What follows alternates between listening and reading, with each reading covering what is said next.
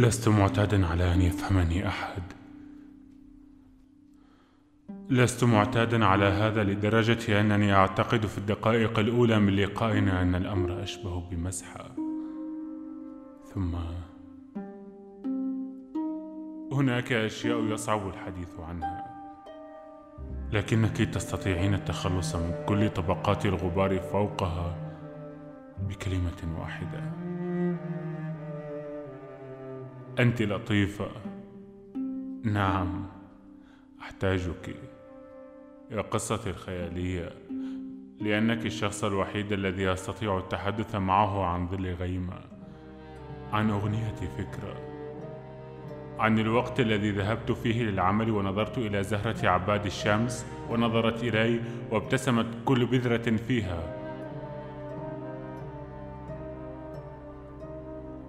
أراك قريبا.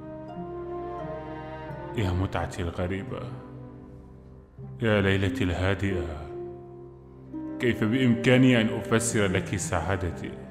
سعادتي الرائعة الذهبية وكيف أنني ملك لك؟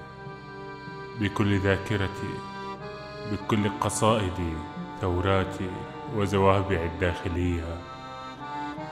كيف بإمكاني أن أشرح لك أنني لا أستطيع كتابة كلمة واحدة دون أن أتخيل طريقة نطقك لها.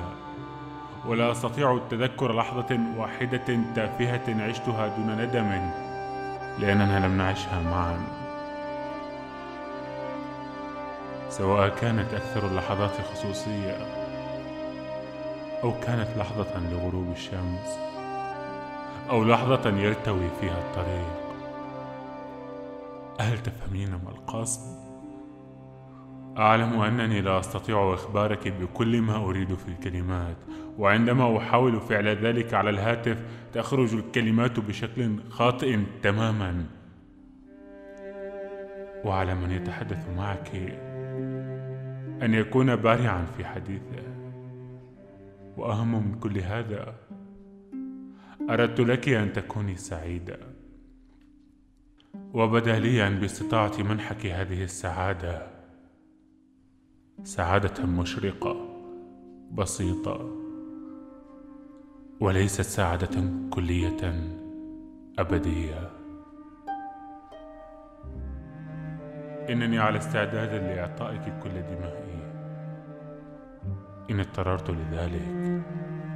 يبدو حديثي سطحيا لكن هذا ما أشعر به. كنت أستطيع بحبي أن أشعل عشرة قرون بالأغاني والشجاعة. عشرة قرون كاملة مجنحة وعظيمة.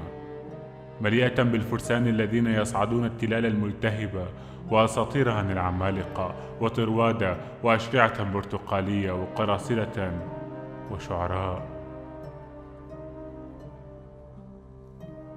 وهذا ليس وصفا أدبيا. لأنك إن عدت لقراءته مرة أخرى ستكتشفين أن الفرسان يعانون من زيادة في الوزن. أحبك. أريدك.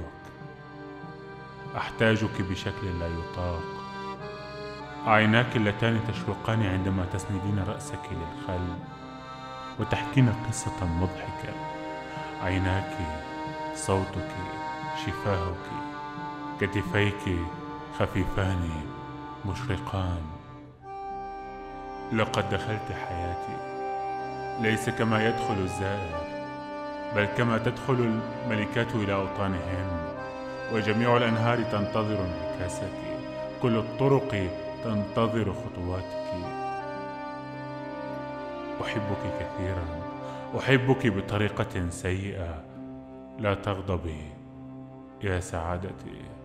أحبك بطريقة جيدة أحب أسنانك أحبك يا شمسي أحب عينيك مغمضتين أحب أفكارك أحب نطقك لحروف العلة أحب روحك بأكملها من رأسك حتى قدميك.